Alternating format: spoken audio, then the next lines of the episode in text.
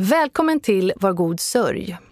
Manda och hennes gäster pratar om sorg, glädje och om hur livet ändå fortsätter. Kom ihåg att de är endast experter på sin egen sorg och förlust.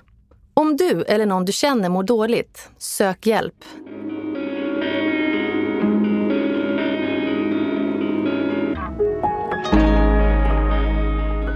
Rädslan att bli föräldralös är för många både sorglig och omvälvande. Det spelar egentligen ingen roll vilken ålder man är. Tankarna på att bli helt ensam, trygghet som försvinner eller telefonsamtal som uteblir finns även om man har dålig kontakt idag. Känslor som skuld, skam, oro och hopplöshet kan bli starka. När Agnes var nästan fem år dog hennes pappa efter en långdragen magcancer. Efter faderns bortgång lades locket på och det blev mycket tyst kring den lilla flickan. Kvar fanns Agnes mamma och hennes 15-åriga stora syster. Men ingen pratade om vad som hade hänt och någon form av sorgebearbetning fanns absolut inte. Idag, cirka 40 år senare, är Agnes mitt i en annan föräldrasorg. Hon är på väg att förlora sin mamma som har sjukdomen Alzheimer. Vad väcker det för känslor om det förflutna och om framtiden? Finns det obesvarade frågor och obearbetade sorger? Nu ska du få höra Agnes historia.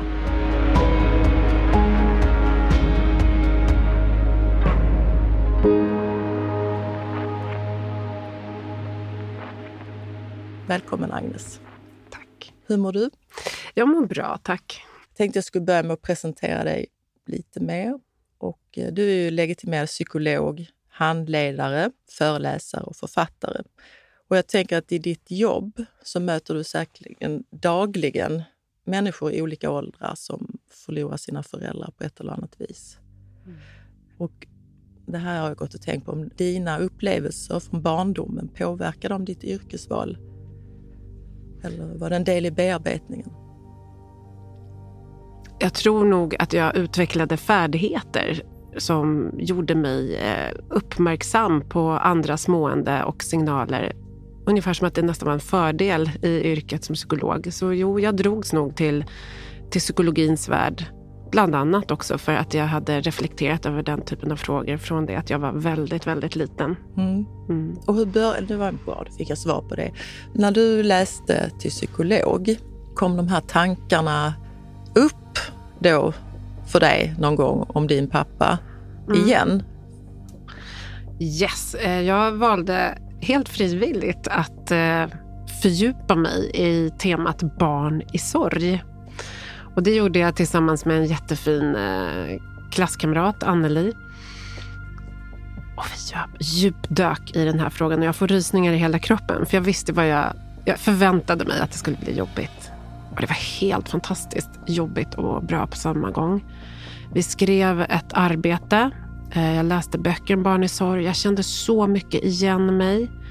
De böckerna jag läste då är ju böcker skrivna kanske på 90-talet som också kunde beskriva den tid som var när jag var liten. Att man såg på det annorlunda. Man hanterade ju barn i sorg på ett annat sätt. Man trodde ju inte att de kunde sörja som vuxna. Att de inte hade den kognitiva kapaciteten att göra det. Och det vet man ju idag att det inte stämmer. Jag kunde läsa i de böckerna hur man borde göra, hur man bör göra med barn i sorg. Jag kunde förstå min egen separationsångest som jag led av, som var lätt-triggad i relationer. Min egen anknytning. Jag fick så mycket svar på mina frågor. Och det liksom, jag visste det ju, men jag fick ju läsa om det. Och eh, Vi liksom åkte runt i den där bilen. Vi gjorde studiebesök, vi skrev, vi käkade på Makedonken. det var så fin tid. Och sen så presenterade vi det här för våra klasskamrater det här arbetet, den här föreläsningen. Vi hade musik till, för musik triggar mig väldigt mycket på ett bra sätt. Jag tror vi fick hela klassen att gråta. Men det som fick mig att verkligen brista, det var när jag gjorde ett studiebesök på Erika-stiftelsen, som är en mottagning. Och där jobbade ju Elisabeth Kleve, psykolog, expert på barn i sorg. Hade skrivit böcker om det. Hon hade en föreläsning om barn i sorg. Och eh, det var, som jag minns, bandade... Hon hade spelat in intervjuer med barn i olika åldrar, men bland annat i 4-5-årsåldern. Där de pratade om sin förälder som de hade förlorat. Och när jag hörde de här äh, intervjuerna, de här barnrösterna. Det var så fysiskt på insidan. Den här sorgen som jag då alltid hade med mig, den verkligen blev så starkt. Liksom. Det var som att det skulle komma ut nu. Och jag tror de hann precis säga klart den sista meningen och jag liksom rusade ut från den här föreläsningen och stängde in mig i badrummet där och bara började gråta, gråta, gråta, gråta, gråta. Det kom så mycket, supermycket gråt. Och om jag minns rätt så var det ju Elisabeth som kom och tröstade mig. Någon från, förlåt, från den här äldre generationen, psykologerna, mm. tanterna, kom och tröstade mig. Jag minns inte om det var hon eller någon annan, men det kan ha varit hon. Och där blev jag, bara att någon höll om mig. Och sen så bodde jag ju redan då nära Erika stiftelsen. Gick över gatan, hem och fortsatte gråta, gråta. Liksom verkligen låg på golvet och grät i fosterställning. Så skönt. Hur gammal var du då? 25, 26. Hade du aldrig gråtit så mycket innan? Nej. Jag hade liksom smågråtit här och där, liksom i min ensamhet och på natten och sådär och snyftat och verkligen varit otroligt ledsen. Men att så här skrikgråta, det gjorde jag nu. Och då var jag också trygg, för då hade jag ju redan min partner. Han förstod ju inte riktigt vad som pågick, men jag hade ju någonstans att ta vägen. Liksom.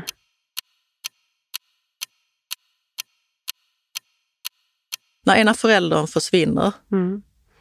vad skulle du vilja säga till de här föräldrarna? Vad ska man, hur ska mm. man göra? Hur ska man bete sig med sina barn? Prata med dem. Inkludera dem så gott det går utifrån också barnets vilja och förmåga. Men att de alltid känner en samhörighet med dig som är kvar. Att ni är tillsammans. Att inte begå det misstaget som många föräldrar gjorde då, att inte ta med barnen på ritualer, alltså på ceremonier som begravningar och ja, du vet. Ta med barnen. Det är viktiga avslut för minnet. Det är viktigt att ha konkreta visuella minnen och det får man tack vare ritualer. Man får en tidslinje, en begriplighet kring vad som har hänt rent dramaturgiskt. Annars blir det som för mig, svarta hål. Folk försvinner. Folk bara försvinner. Då är ju livet ganska farligt på något sätt om man inte får en förklaringsmodell. Så att jag, det är väl mitt viktigaste råd, att inkludera, att också visa sina egna känslor. Inte spela perfekt och vara så där stark hela tiden, utan visa att eh, ibland är jag glad, ibland är jag jätteledsen. Det växlar. Men att också härbärgera barnet eller ungdomen, det är ju så viktigt. För barn, vilket jag minns mycket väl, de vill inte vara till besvär. Och de tar hänsyn till sina föräldrar. Det finns ju någonting som heter parenting children. Och jag var ett sånt. Jag ville ju liksom inte lägga till något problem. Jag ville inte vara ytterligare en börda. Och det finns hos många barn en sån ansvarskänsla för sina föräldrar. Att bara vara medveten om det tror jag kan hjälpa många föräldrar att se när ens barn kanske tar positivt ansvar, alltså bra, men att det kanske tar de tar lite för mycket ansvar. Att nu är de rädda för att jag kanske är ledsen och inte klarar mig. Att de är med mig nu för att skydda mig. Då är det viktigt att jag som förälder säger liksom, tack älskling att du bryr dig om mig. Men jag vill verkligen att du går iväg med dina kompisar och har kul nu. Eh, jag klarar mig. Mm. Och en oxytocin-kram. Supermycket oxytocin-kramar. Och pussa på pannan med här, vid hårfästet brukar jag göra. Snosa in doften vid alla däggdjur. Bra. Mm. Om vi skickar tillbaka oss till 1984 och den tiden som din pappa dog. Du berättar lite innan vad som hände. Jag minns ju mycket väl hans sjukdom från mitt perspektiv och hur jag såg på honom med hans plåster på magen, hur han var på hospice, de här liksom processerna kopplade till det. Så jag förstod ju att det var väldigt allvarligt. Det minns jag. Och sen var jag ju också rädd för att göra fel. Till exempel att komma åt den här magen. Och jag råkade ju sparka till honom vid ett tillfälle. Och jag kunde ens inte veta om jag gjorde det med flit. Eh, för att se vad som skulle kunna hända. Så det var sådana saker. Jag, jag minns det så väl, de här tankarna kring just hans sjukdom och hans smärta. Mm. Minns du någonting att ni pratade med varandra? Mm. Du var ju rätt liten. Mm. Vi hade en väldigt fin tid och eh, vad jag förstår så förändrades min pappas personlighet eh, alltså till det bättre. Att han blev tryggare och lugnare med sig själv. Och då i kontakten med mig så de åren visste ju han att han med all sannolikhet skulle dö. Då var han alltså i 40-årsåldern, i min ålder. Så han och jag spenderade ju väldigt fin tid ihop. Vi var väldigt mycket ute i skogen. Det finns bilder på oss två när vi plockar svamp när han bär mig på ryggen som mm. bebis fortfarande. Och ja, mycket ute i naturen. Han bodde nära en skog. Han rökte, vilket jag också tyckte var så mysigt. Så jag kan fortfarande ha en så positiv association till en viss typ av rökning. Vi hade fin tid ihop. Ett lugn som jag minns mycket väl. Din pappa dog när han var lika gammal som du är nu nästan. Han, han var 44 och jag är 43. Ja, och mm. din farmor dog också i samma ålder? I samma... Nej, hon var lite äldre. Ah, okay. Men hon, på den tiden, ja, hon var väl i 60-årsåldern om jag minns rätt. Jag träffade ju aldrig min farmor. Nej, okej. Okay. Mm. Jag tänkte för det var en genetisk... Ja, eh, så tänkte att de var samma ålder. Men, det var, ja. men vad tänker du då när att ni är i samma ålder? Mm. Tänker du på det? Det tänker jag ju jättemycket på Eh, har ju själv screenats för det här sedan jag var i 20-årsåldern, för den här genen. Jag går ju på numera årliga kontroller. Så det följer ju med en. Och eh, jag tänker också på min man. Han har nu passerat 50. Men när han var i den åldern, då insåg ju jag... Då fick jag också perspektiv på hur ung min pappa var när han dog i cancer. Och eh, när jag själv då har haft problem så har jag ju också förstått vilken smärta han måste ha gått igenom. Och även när jag sett andra gå igenom den här liknande cancerform hos bekanta så är det som att det här vaknar till liv igen. Men eh, när din pappa gick bort då, hur pratade människor mer med dig och ja, framförallt med dig? Hur pratade människor med dig om pappas bortgång? Det var ju det, det här är ju på 80-talet. Jag kan säga att det var ingen som pratade med mig. Alltså, det är nog ingen efterkonstruktion, utan efterkonstruktionen hade gärna varit att det var tvärtom. Att jag hade fina kontakter, att någon pratade med mig. Men jag var väldigt nära min syster. Men det betydde inte att vi pratade om det. Och hon var ju 10-11 år äldre än mig, så hon var ju 15 när min pappa dog, vilket är en otroligt känslig ålder. Och hon tog på sig någon sorts eh, ofrivilligt föräldraansvar för mig eftersom min mamma jobbade som sjuksyrra och eh, jobbade mycket. Så vi var väldigt mycket tillsammans. Och även om hon kanske inte hade valt det så var vi ju nära. Men ingen pratade med varken henne eller mig. Det gjorde ingen. Och jag kommer ihåg att den här förskoleläraren på min förskola, hon fick gå på begravningen, men inte jag. Men hon pratade fortfarande inte med mig. Det är helt otroligt. Mm. Och din syster då, vad sa hon? Hon måste ju också känt att läraren går på begravning men inte vi. Eller din ja, syster gick? Ja, min syster var ju på begravningen. Ja, det var bara du som inte fick mm. mm. Och hon berättar också att hon inte ens minns vilka som var på begravningen så här i efterhand.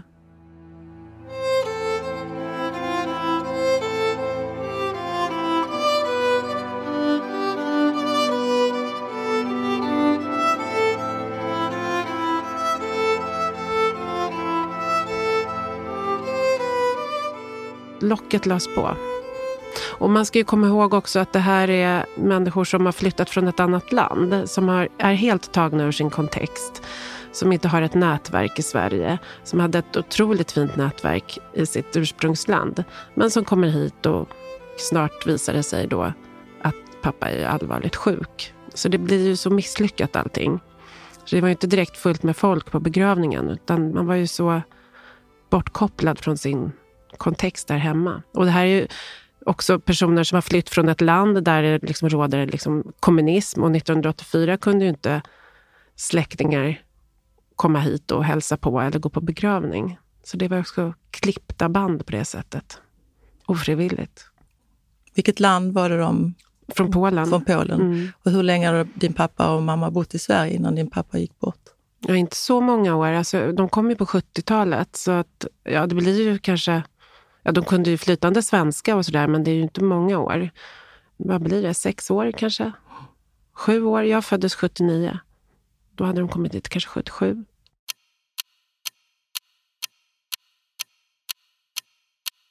Om du hade fått önska hur människor pratade med dig Mm. runt den här tiden, Mm. har du funderat på det?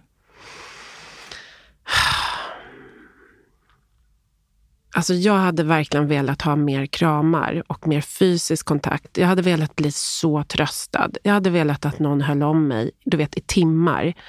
Och bara liksom kanske sagt mitt namn. Jag kommer ihåg att min pappa sa mitt namn. Han hade ett smeknamn för mig. Tusha, Tusha, Tushu, Tushu. Alltså att någon bara hade kunnat säga det och hållit om mig. Det var väl det jag saknade. Även om jag var trygg och hade liksom en väldigt stabil mamma så var det väl ändå just den biten både jag och min syster saknade. Att få tröst.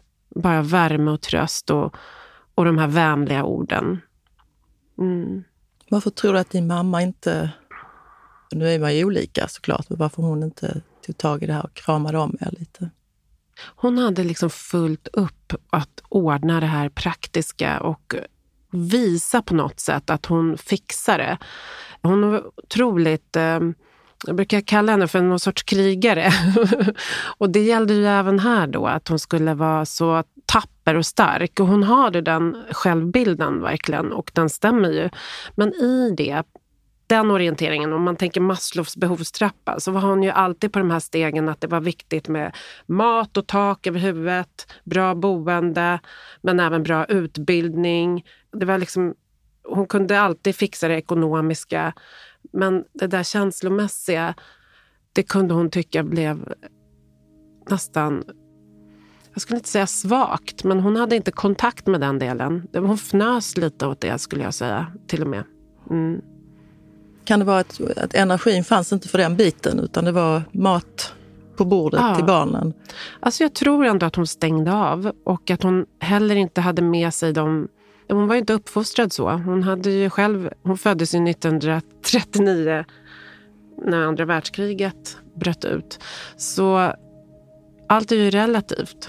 Hon, eh, hon, var van vid, på något märkligt vis att hela tiden behöva mobilisera sig och inte behöva prata om känslor. Det är en väldigt stark sådan centraleuropeisk eh, tradition skulle jag säga, att man måste gå vidare. Eh, så. Mm. Är du också så? Nej, Nej. jag är ju inte så. Det sägs ju att det tar några generationer att bryta en sån här legacy. Och kanske är jag den första som börjar lyckas bryta det.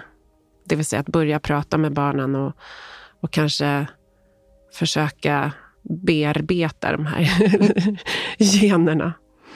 Mm. Men din mamma, när jag har läst lite Mm. och jag, du har berättat så verkar din mamma vara en väldigt stark kvinna och en förebild för er, Mm. för dig. Och jag läste att hon, för det var ju ganska tidigt också, jag är ganska fascinerad av det här, det är därför jag tar upp det, att Mm. hon började handla med aktier Mm. när ni, just efter din pappas bortgång vad jag Ja. förstår. Ja. Mm. Ja, det var ju verkligen en vändpunkt för henne. Så även för henne att på ett sätt bli ensamstående och att vara i det här landet. Jag menar, då accepterade hon att hon, hon måste ju vara kvar här. Så kände hon en viss styrka i det. Jag undrar om det var någon väldigt stark feministisk ådra som väcktes där. Och ensam med stark regel att hon skulle fixa det här. Det skulle inte komma in någon ny man och dondera och berätta för henne vad hon skulle göra. Och hon var ju ekonom då, utbildad innan hon blev sjuksköterska i Sverige. Så hon var intresserad av ekonomi och, och väldigt duktig på att spara. Och hon hade koll på bostadsmarknaden. Och var så himla ja, häftig på det sättet. Mm. Och då började hon hålla på med aktier. Och jag kommer ihåg att hon tittade på text-tv varje dag och kollade. Text-tv. ja, det, var ju, det var ju så man kollade börsen, på text-tv. Så oglamoröst. Ja. Ja. mm. Cool mamma. Ja. Ja. ja, men det var hennes hobby. ni tre, din mamma, du och din syster växte, eller eh, hade ert liv. Mm. I, det var inte så många mer Nej. Det var vi tre. Och nu då, det vi ska komma till och prata om nu, det är ju att din mamma fick en diagnos för hur många år sedan? Nej, men hon fick diagnosen på papper 2018, Alzheimers sjukdom. Och det här är då en sjuksköterska som då har arbetat som demenssjuksköterska. och hon gjorde ju det efter pensionen också. Så att hon eh, hade väl i princip eh, slutat jobba mer eller mindre när det då i samma veva blev väldigt tydligt att hon eh, att det var saker som inte stämde med hennes beteende. Plus, apropå sorg, hennes och min systers schnauzerhund dog. Och bådas reaktion var så dramatisk. Alltså det blev en sån otrolig depression och uppståndelse kring den här schnauzerns död. Och då, Manda, då snackar vi att då börjar de här kvinnorna snacka. Lite senare börjar man prata om sorg. I det här läget, när den här hunden dör, då får man vara hur ledsen som helst, gråta hur mycket som helst, bara totalt tappa det. Då var det helt okej. Men vad kan det bero på då? Är det lite mindre farligt då när det är en... Ja, men alltså, jag, jag vet inte, man använder inte det här uttrycket längre inom psykologin på samma sätt som förut, men jag gillar det. Överdeterminerad krisreaktion. Det betyder egentligen att när någonting det skulle kunna vara någonting mindre viktig förlust, blir en symbol för allt du har gått igenom i hela ditt liv. Vad intressant. Och då blossar de här gamla förlusterna upp. Ah, De gamla sorgerna bara exploderar. Okej. Japp. Så detta hände då i samband med diagnos och... Ja, några år tidigare, det är då hon börjar liksom uppvisa de här symptomen. Och då i samma veva så har det haft att göra med hundens bortgång. Vad var det första, förutom då den här lilla hunden, vad var det första du märkte på din mamma? Mm. Jo, men det är ju verkligen en komplicerad karaktär, min mamma. Vi kan ju inte veta vad det är som är personlighetsbaserade beteenden hos henne och vad som var Alzheimer. Så att om jag nu väljer att snälltolka mamma så är det ju Alzheimer som har varit problemet i vår relation. För hon har sedan jag var i 20-årsåldern uppvisat en del beteenden som jag tänker kan vara kopplade till Alzheimer. Vilket betyder, min mamma födde mig när hon var 40, att hon mycket möjligtvis redan började bli sjuk i 60-årsåldern. Hon dök inte upp på min examen. När jag fick, ja, du fattar. Jag blev ju jätteledsen. Mm. Hon förstod inte varför hon skulle komma. Sådana saker. Likaså när jag tog studenten så fanns inte hon där. Då var jag ju 19-20. Jag tror att det finns ett, eh, en förklaringsmodell här som jag i alla fall väljer. Att det har pågått ganska länge. Och hon har ju också varit med om trauman, alltså huvudtrauman. Fått tunga saker i huvudet och blackoutat då. Det kan vara en förklaring till varför hon drabbades så tidigt också. Men hon fick alltså inte diagnosen förrän eh, 2018. Och då tvingade vi ju henne mer eller mindre göra den här undersökningen. För då var hon ju så dålig så att då kunde hon heller inte göra så mycket motstånd. Och hon tyckte ju testerna hade gått jättebra. Hon var så stolt. Visst, visst är jag duktig, sa ja, mm. Hur kändes det för dig när hon fick den här diagnosen? Vi har varit så tajta under liksom hela mitt liv. Och eh, jag har ju varit med henne och hjälpt henne. Och du vet, som parenting children gör. De fixar räkningarna och allt det där. Så att jag var ju redan inne i de här hjälparbeteendena sedan många år tillbaka. Så jag var inte förvånad över diagnosen. Jag hade väl ändå in i det sista hoppats på att det skulle kunna vara någonting som man kunde bota, men jag visste det. Jag visste det. Jag har ju gjort sådana här liknande tester själv på människor.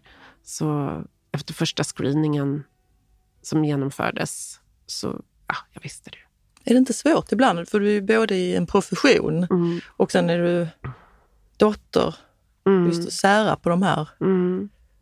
Jag har ju en viss fördel av det, att vara psykolog i mitt förhållande till henne som anhörig. Jag får ju liksom begripliga förklaringsmodeller som jag kan rationellt hålla i. Men sen är jag ju också mammas barn och frustrerad och ledsen. Så jag har kontakt med de känslorna också. Men jag har lättare till att känna acceptans än vad till exempel min syster har. Som är mer förtvivlad och har den här, de här känslorna av att det är orättvist. Eftersom mamma var ju så sportig och så liksom ung. Hon såg så otroligt ung och fräsch ut. Hon såg alltid yngst ut av alla morsor, fast hon var äldst. och så drabbar det henne, liksom. den minst tantiga personen man kan tänka sig. Men jag tycker nog ordet acceptans har vilat i mig. Eller så kommer det väl komma en chock när jag minst anar det. Jag vet inte. Men att vara i det så här utdraget gör ju att man sörjer samtidigt som det pågår.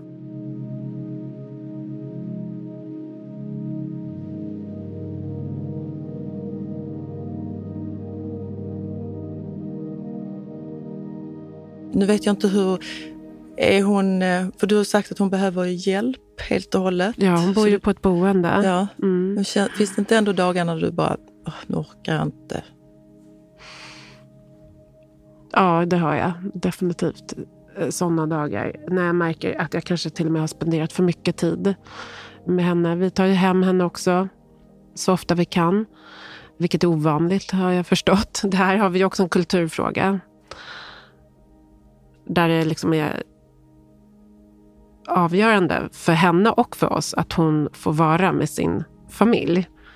Så jag behandlar ju inte alls henne på det sättet hon kanske behandlade mig. Utan det, det finns en eh, jättefin closure-känsla i det här. Ett avslut som är väldigt utdraget. Så att allt det här gamla grollet, det betyder ingenting. Det är både jag och min syster vi säger det. Det finns inget agg liksom, mot mammas kanske tidigare brister. Utan hon är den föräldern vi hade. Och vi kan ändå tycka att det fanns väldigt mycket värme och charm. Och nu när hon är så sjuk, du vet hon blev ju så lugn av sin Alzheimer. Jag vet inte vad hon hade innan, om det var någon hyperaktivitet, liksom, problematik hon hade. Men vi kallade henne till och med för Buddha-mamma ett tag. Hon var ju så tillfreds. Va? Sen ska man komma ihåg att Alzheimer är ju vidrig. Den biter sig igenom allt. Liksom. Det här är personer som har smärta också, som inte kan uttrycka när de behöver hjälp, när de har muntorrhet. De kan inte kommunicera mot slutet. Så det är en ganska fysiskt vidrig situation. Så ja, jag blir ju trött ibland, men jag tycker ändå att det framförallt är att vi får ju ett avslut som är utdraget och det uppskattar jag ju ändå. Vi har en kontakt med varandra som påminner om hur en mamma har en kontakt med sitt lilla barn. Jag antar att det är oxytocin som flödar i mig när jag matar min mamma.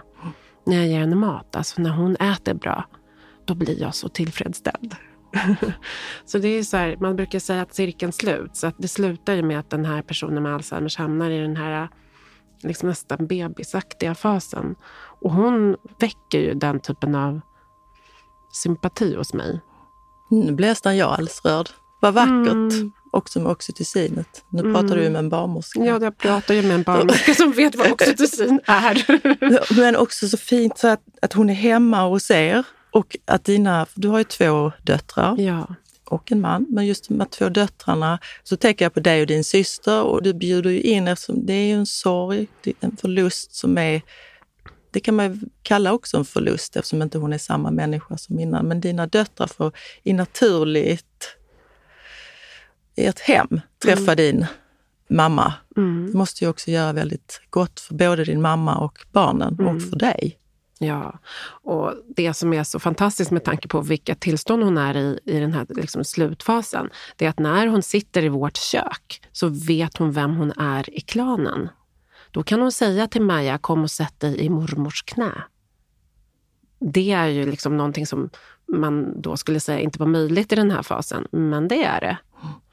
Så hon sitter på sin plats och det ser likadant ut i vårt kök. Så hon känner igen sig. Så jag ändrar ju inte så mycket just i köket för hennes skull. Men hur känns det i dig när hon säger så till Maja? Ja, men det är de här stunderna som vi brukar säga att man blir så tacksam för. De här stunderna, de här öppningarna. vad kallas det för? Det är liksom som en glimt bara. Och det betyder jättemycket. Och så fångar man den stunden och så har man det. Och hon kan också komma med en så här, hon kan säga så här, mitt namn och säga massa fina saker till mig. Alltså komplimanger, inte ytliga utan verkligen sådär vad jag betyder för henne. Vilket hon inte hade gjort för 15 år sedan. Så det är ju en fascinerande sjukdom.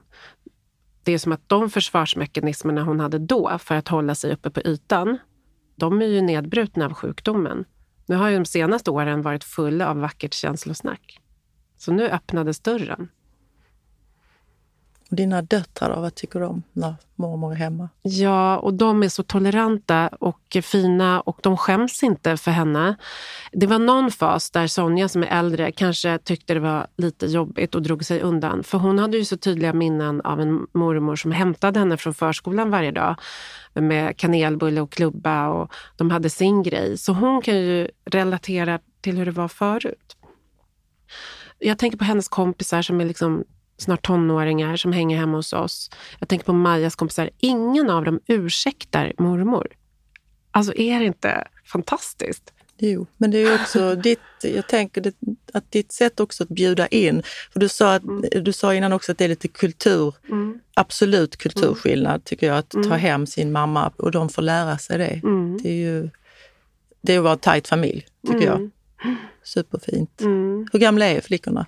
Sonja är nästan 13 och Maja fyller 10 i år. Mm. Nej, jag skulle säga, nej, det var inte samma mm. åldersskillnad som dig och din syra. Hon var lite äldre. Nej, min syster var ju 10 och 11 ja, år äldre, så det var en stor skillnad mellan oss. Mm. Men när du besöker din mamma, tycker du att hon är annorlunda där på boendet än vad hon är när hon är hemma hos? Alltså hon ser ju fem år yngre ut när hon sitter i vårt kök. Alltså att kontexten kan verkligen pigga upp en. Det är verkligen eh, upp och ner där. Hon ser mer apatisk ut, kan man säga, när hon är där. Men eh, jag försöker ju vara där så ofta jag kan, när jag inte kan ta hem henne. Hon kan ju inte röra sig. Hon sitter ju i rullstol.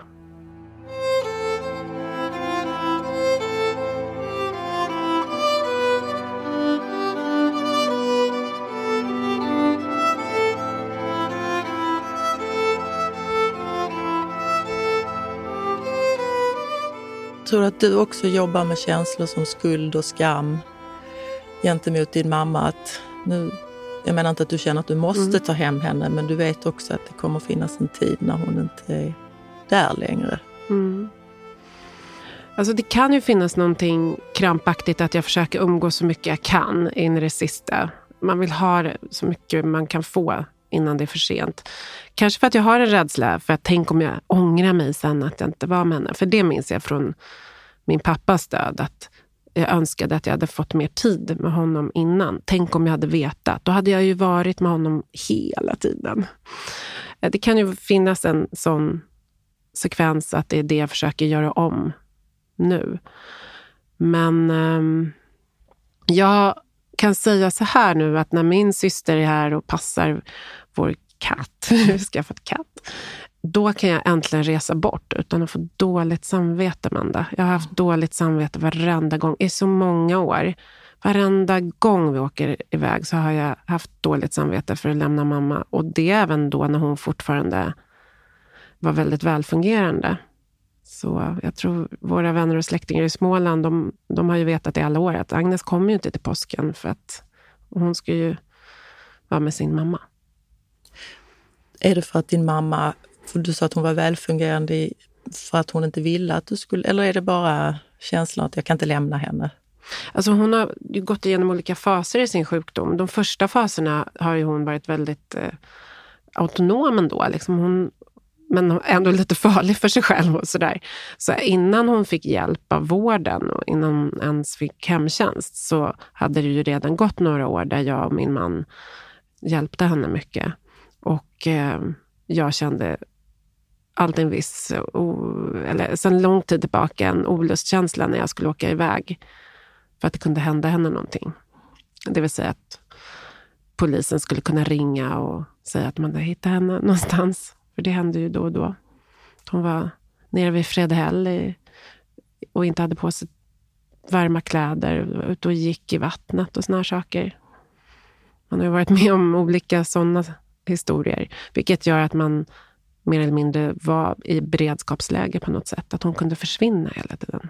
Känner du så fortfarande när telefonen ringer?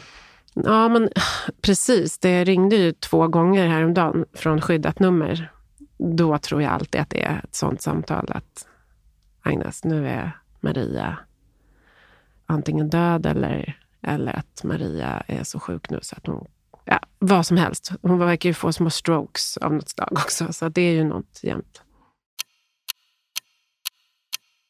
Finns det liksom saker som du tänker på ibland som att det här skulle jag vilja prata med min mamma om? Och då tänker jag, för vi pratade om din pappa i början och det verkar som att ni inte kanske har pratat så mycket om mm. pappa. Eller gjorde ni det mot slutet när hon fortfarande var frisk?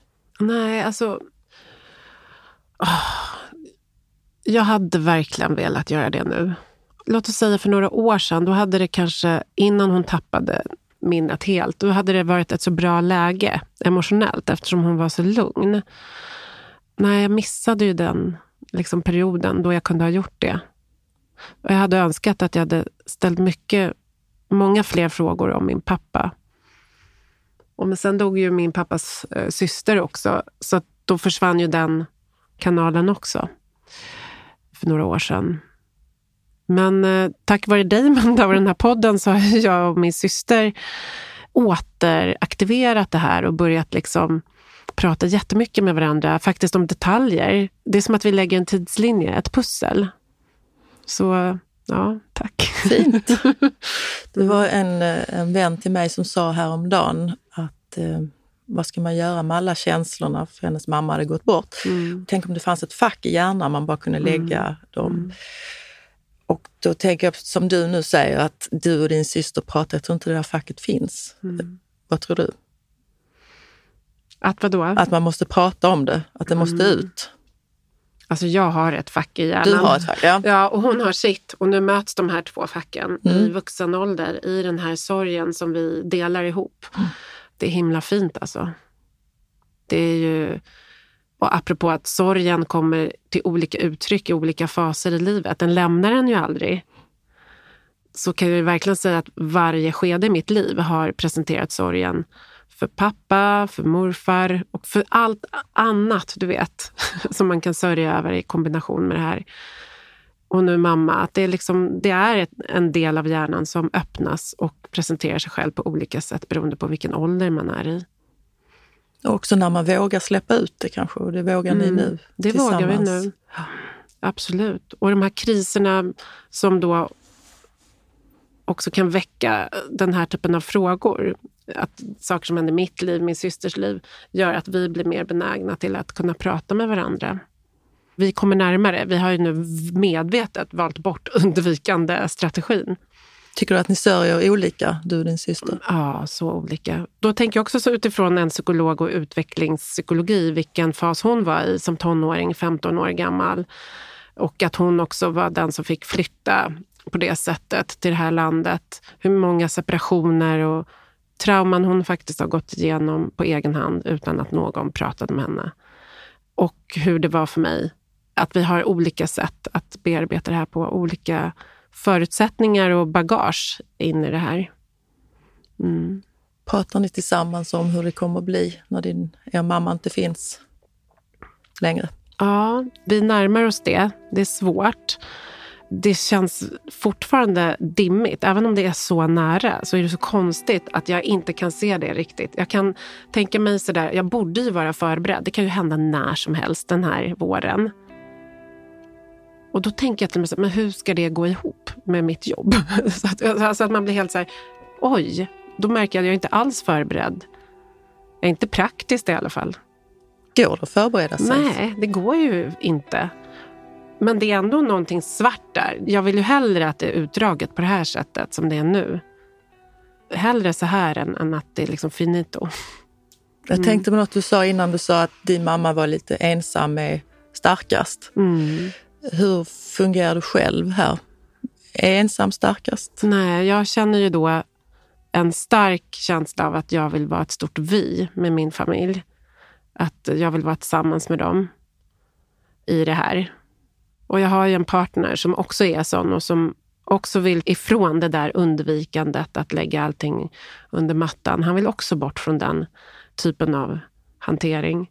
Så vi har ju funnit varandra i att kunna dela det här tillsammans. Pratar mycket med varandra. Vi är väldigt fysiska i familjen och kramas mycket. Säger att vi älskar varandra. Ofta. Med verkligen inlevelse skulle jag mm. vilja säga. Men det finns ju en del av det där som är triggat av att jag har en katastroftanke som ligger bakom. Så här, tänk om, tänk om. Så det följer ju mig. Tänk om eh, de åker iväg i bilen, hela familjen utan mig. Och så, ja, boom, så är de borta. Mm. Tycker du att du får stöd från dina vänner? Pratar ni om din mamma? Mm, alltså jag tycker att det är så att jag får väldigt mycket fin feedback snarare från vänner och även grannar. Att de tycker det är så fint att se hur vi orkar, hur vi tar hand om henne. Att det är inspirerande. Och jag har ju också lagt upp en del på min privata Instagram. Så där har ju våra vänner kunnat följa relationen till mamma i flera år. Och det var ju en person i, i reklambranschen som hade reagerat väldigt positivt på det och, och, gjorde en reklamfilm sen för Hjärnfonden om det här paret. Eh, vi var också med på en bild, jag och mamma. Låt kärleken leva vidare, heter den kampanjen. Just att hur man kan hitta nya vägar trots sjukdomen. Och inte bara lämna ifrån sig någon. Nej. Mm. Jag tänker själv ibland när jag tar upp min händelse. Mm. Ibland gör jag det bara så liksom för att jag vill prata. Mm. Gör du också det? Alltså, när du träffar vänner mm. på en middag, pratar man om Alzheimer då? Men vet du, jag gör det inte, men de tar upp det. Och då ger de mig den här bekräftelsen. Jag vill inte känna mig som duktig, det är inte det jag är ute efter. Men jag blir liksom lite överraskad över att de har noterat och att de också har funderat på det. Men ja, nej, Amanda, jag tar inte upp det själv. Det gör jag nog faktiskt inte. Jag, utan jag pratar mycket varje dag med min syster om min man, om min mammas situation. mamma har ju också en, apropå karma, en sjuksköterska, Fia, som tar hand om henne. Som är som min mamma var när hon var sjuksköterska. Mm. Och Fia påminner ju om henne. Ja. och henne har jag en fin kontakt med. Hon känns trygg. Så, så när jag är orolig så kan jag ju kontakta henne om det är någonting kopplat till mammas sjukdom och situation.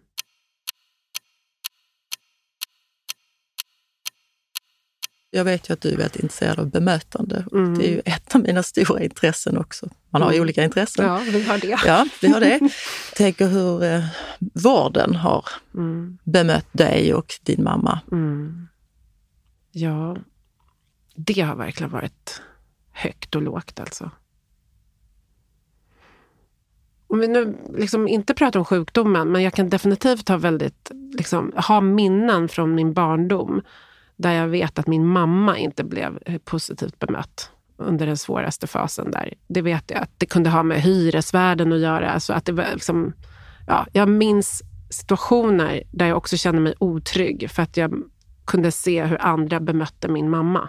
När din pappa gick bort? Mm. Ja. Jag vet inte vad det var för typ av kontakter, men jag minns det väl. att utomstående människor med makt kan vara ovänliga. som anhörig har ju, det vet ju alla som är barn eller anhöriga till en person med Alzheimers, det är ju en anhörig sjukdom som man ordnar och fixar med allt. Nu har ju vi haft tur och inte blivit liksom dåligt bemötta på något särskilt sätt. Men däremot har det ju faktiskt hänt på ett boende där mamma bodde innan, där hon bodde nu. Det blev verkligen en mycket negativ erfarenhet. Och det det gör med mig då, och som det gör med anhöriga som jag vet också kämpar för sina barn eller anhöriga som har en psykiatrisk problematik, det är ju att man får ju existentiell ångest. Man får panik, alltså som en avgrundstung ångest. Att man kämpar i motvind. Förstår du mm. vad jag menar? Alltså herregud, vad är det här? Vadå, va? Vad händer nu? Ungefär som att någon...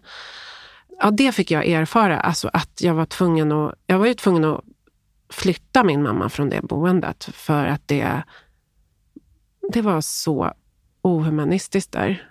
Och deras bemötande av mig, oss, mamma och de andra som bodde där var ju så sorgligt. Och allt från läkaren till, ja, till personal och så. Inte alla, men det det gör med en är att man antingen kämpar man på som en galning för att rädda upp situationen. Men tänk om man hade varit fast där under pandemin. Det hade jag ju inte klarat alltså. Det är ju också inte klokt att nu mm. 2023 att mm. bemötandet fortfarande är... Mm. Att det inte finns det, alltså, mer kunskap egentligen. Alltså jag var ju, istället för att uppskatta att man på något sätt eh, var en aktiv anhörig eller en delaktig så var man ju bara problem för att man fick insyn i verksamheten. Men nu är det bra? Nu, nu är det bra och det har ju varit jättebra i så länge mamma bott där. Alltså upp och ner, det beror ju på vem man har att göra med. Och det är det som är så lustigt för att det räcker ju med ett gott bemötande för att balansen ska återställas och man blir liksom så där glad och orkar fortsätta med det här. Och man får ju liksom tillbaka gnistan och hoppet. Och sen så kommer ett sånt där dåligt bemötande och så faller man igen. Det är väldigt känsligt. Det är så skört. Men det går lätt att återställa balansen. Mamma hade ju en sån fantastisk kontaktperson. En kille från Skåne. 30-årig, yngst, som var så rolig. Och hans bemötande var ju så autentiskt. Både av henne och av oss. Så han var ju som en solstråle och han klev ju in i mammas liv precis innan de stängde portarna på grund av pandemin. Och då liksom bara, vilken tur att han är där. Mm. Ja, för det måste kännas som en stor sorg på något vis att inte kunna vara hos mamma mm. hela tiden under den tiden. Det var ju ganska lång tid Ja, också. det var vidrigt. Det var vidrigt. Att hon som var så van vid att träffa sin familj nästan varje dag och vi henne inte fick ses. Nej, också just som du berättar att när hon är hemma hos er då är den mm. liksom en annan person mm. kan man väl säga. Ja, mer sig själv. Då. Ja, mer sig själv. Mm. Vad tycker du som dotter till en mamma som är sjuk? Vilket stöd behöver, vad är det för stöd du behöver i den här sorgen? Alltså jag har ju det stödet jag behöver från min närmaste kärnfamilj. Men som det ser ut nu så är ju de här kontaktpersonerna, i alla fall jag tänker på den här sjuksköterskan som finns kvar, att den typen av nyckelpersoner, deras bemötande är avgörande för mitt mående också. Även om det inte handlar om mig så sätter det en sorts värdighet och en, nästan en romantisk ton på det här. Därför att det faktiskt är människor runt omkring henne som gör det där lilla extra som gör en persons liv mer värdigt. Och Det betyder oerhört mycket. Och Det är därför jag brukar föreläsa om det. Att eh, När vi tappar det där, då ska man ju fråga sig själv varför håller vi på att tappa det här i vårt team? Vad är det som egentligen är viktigt i vårt arbete? I alla fall när vi jobbar med människor. Mm. Vad är det som egentligen är viktigt? Är det att ADL-duschningen ska gå så fort som möjligt? Eller handlar det faktiskt om någonting annat här? Men där tänker jag också att det är viktiga ämnen som jag snuddade vid innan, att när man är på middagar, träffar människor, att man pratar om vården. Vi ska ju alla hamna på de här ställena mm. förr eller senare, att vi blir omhändertagna och väl. Mm. Jag tänker nu då, så du förlorar din pappa i väldigt ung ålder och du är på väg att förlora din mamma. För att du beskriver väldigt väl att hon, du har inte förlorat henne. Hon mm. är ju här. Mm. Men hur är tanken på att bli föräldralös? Ja, då är det ju bara jag kvar och min syster. Vi har ju inga, i princip inga släktingar. Det har vi ju inte. Det är ju rätt tomt. Det är tur att jag har två barn då. Nej, men, eh, jag kommer bli föräldralös och, och, det är ett faktum som jag har haft, liksom, som du beskrev där. Det har funnits som nära sedan lång tid tillbaka. Och det är bara så det kommer bli helt enkelt. Och jag är ju vuxen, så att eh, bättre nu än, än kanske tidigare. Jag är fortfarande yngst märkte jag på minnesmottagningen på alla de här föreläsningarna. När jag började gå där i 30-årsåldern så var jag faktiskt yngst. Det blev jag förvånad över, att jag var yngst bland de anhöriga. Varför blev du förvånad? Alla andra var ju lite äldre barn. Alltså vuxna barn. Mm. 50-60 årsåldern. Min mamma fick ju mig när jag var 40 och det var ju lite ovanligt på den tiden. Så det kan ju bara göra statistiskt med något sånt att göra. Det kanske kommer ändras nu. För nu pratar man ju mer om barn som är alltså ungdomar och eh, barn i 20-årsåldern som är barn till personer med Alzheimers. Ja, för jag mm. hörde någonstans också, det är ju säkert så, det vet ju du, att eh, Alzheimer det är inte heller någonting som kommer så här mm. i 70 års, Nej, utan exakt. det kan ju vara någonting som har kommit redan eh, i 30 års ålder, ja. fast man inte riktigt vet redan då. Mm. En eh, fruktansvärd sjukdom. Mm. Ja, och det är ju det jag misstänker, att min mamma redan drabbades i 50-60 års åldern. När jag försöker förstå hur hon resonerade kring vissa situationer. Sådär. Det verkar som du funderar mycket på eh, både din pappa och din mamma och situationen. Mm.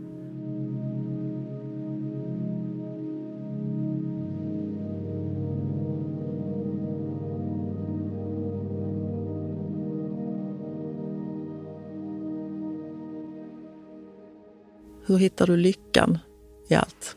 Inte för att du verkar olycklig. Mm, nej. Jag hittar ju lyckan i de här små ljusa stunderna som vi har. Jag brukar ta bilder på oss, till exempel just när det kommer sol eh, vid, vid en viss tid, mellan 12 och 2 på hennes balkong. Så sitter vi där och liksom solspanar. det är stunder av lycka. De där stunderna när hon säger de där sakerna. Men att vi faktiskt ändå har varandra och att allt det gamla är förlåtet. Jag tycker det är så onödigt när människor har konflikter och inte kan liksom bara gå vidare. Jag accepterar min mamma och min pappa. De var inte perfekta på något sätt, som vi hör här.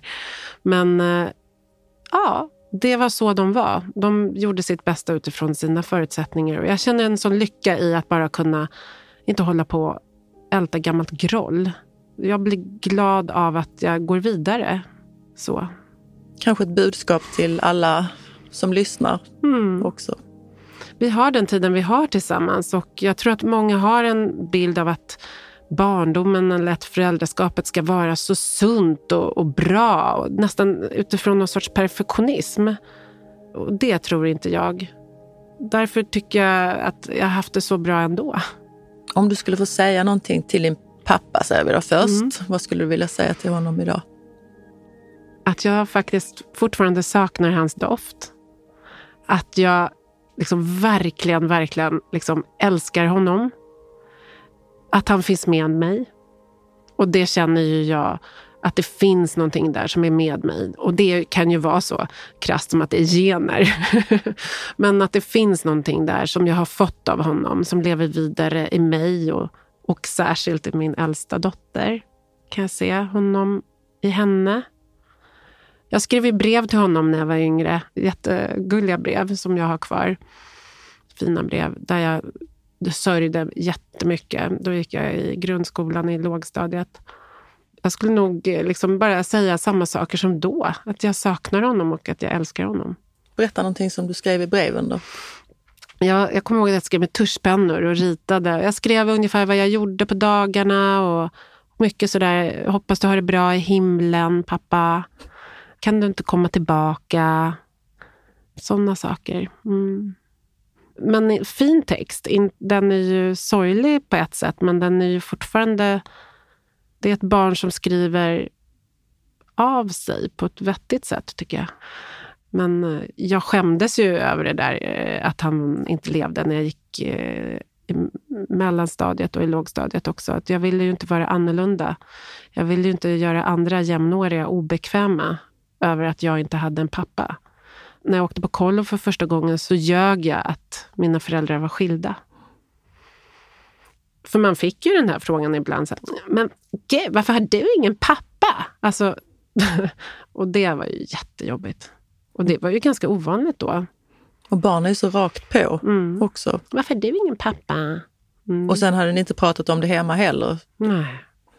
Och bara att säga ordet cancer som barn, det fanns ju inte. Mm.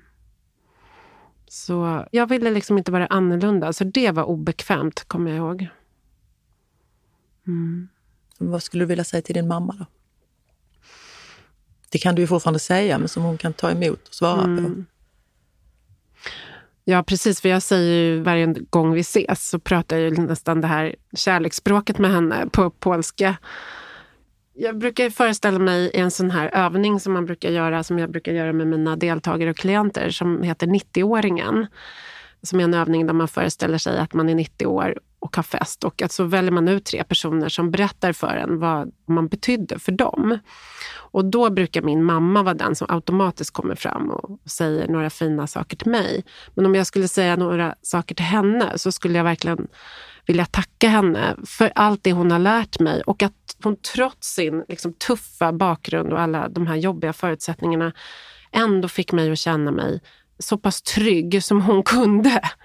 Den styrkan. Det finns någonting som jag tänker, det som kallas för grit. Fasiken, det hade hon och det fick ju jag ta del av. Och det stärker mig.